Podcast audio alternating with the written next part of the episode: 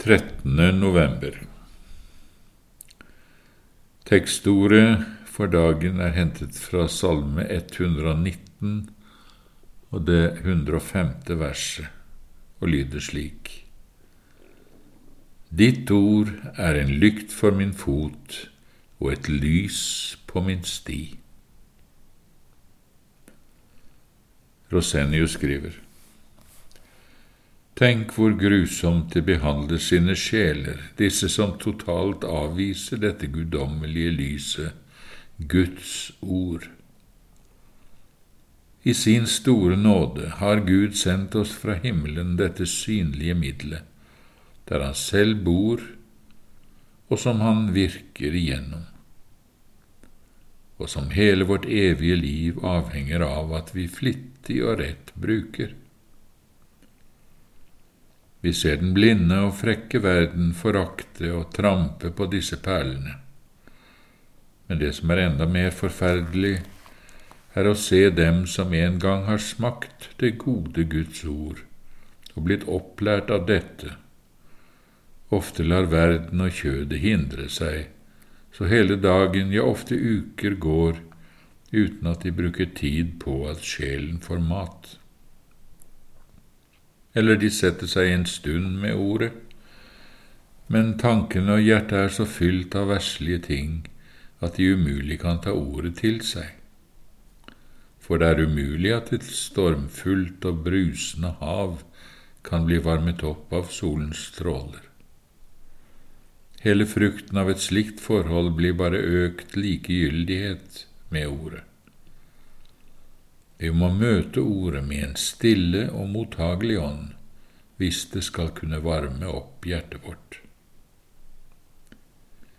Og hindringene, det er alt det jordiske. Jesus talte om tornene som kvalte sæden, og om dette livs bekymringer, rikdom og vellyst. Det er kjødelighet, treghet og alle slags bekymringer og gjøremål som nå er blitt viktigere for den bedradde sjelen enn det himmelske. Nå sier han, Jeg har ikke tid til å være så opptatt med ordet, for det og det må gjøres. Og legg merke til at dette som må gjøres, er alltid noe jordisk, mens det som kan unnlates, er det himmelske, som nå betyr mindre og slik er sjelen blitt bedradd og forblindet.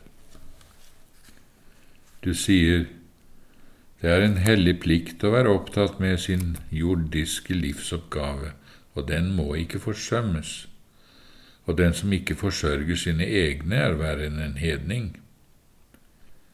Men Jesus sier, det ene skulle gjøres, og det andre ikke forsømmes. Din trofasthet på arbeidsplass og overfor din familie kan være den mest fullkomne, men lar du nådens liv dø ut, kan din trofasthet på arbeidsplassen ikke frelse deg i døden og dommen.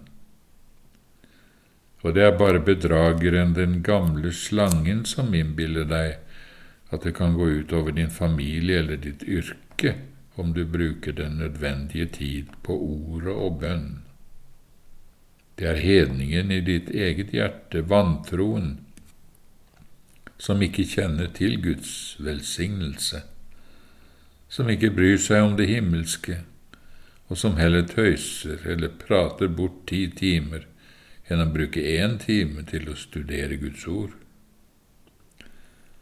Og for en hedensk forakt for Gud og din egen udødelige sjel.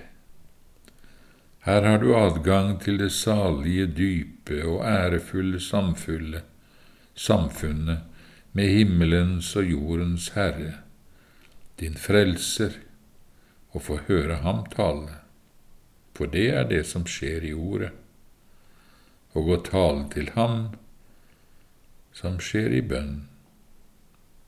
Og så sier du at du har ikke tid til dette. Men å høre og tale om unyttige ting, det har du tid til. Dette må da kalles for å være bedradd av djevelen. På grunn av alle dine viktige gjøremål har du altså ikke tid til å bruke en eneste av døgnets 24 timer på at sjelen skulle få næring.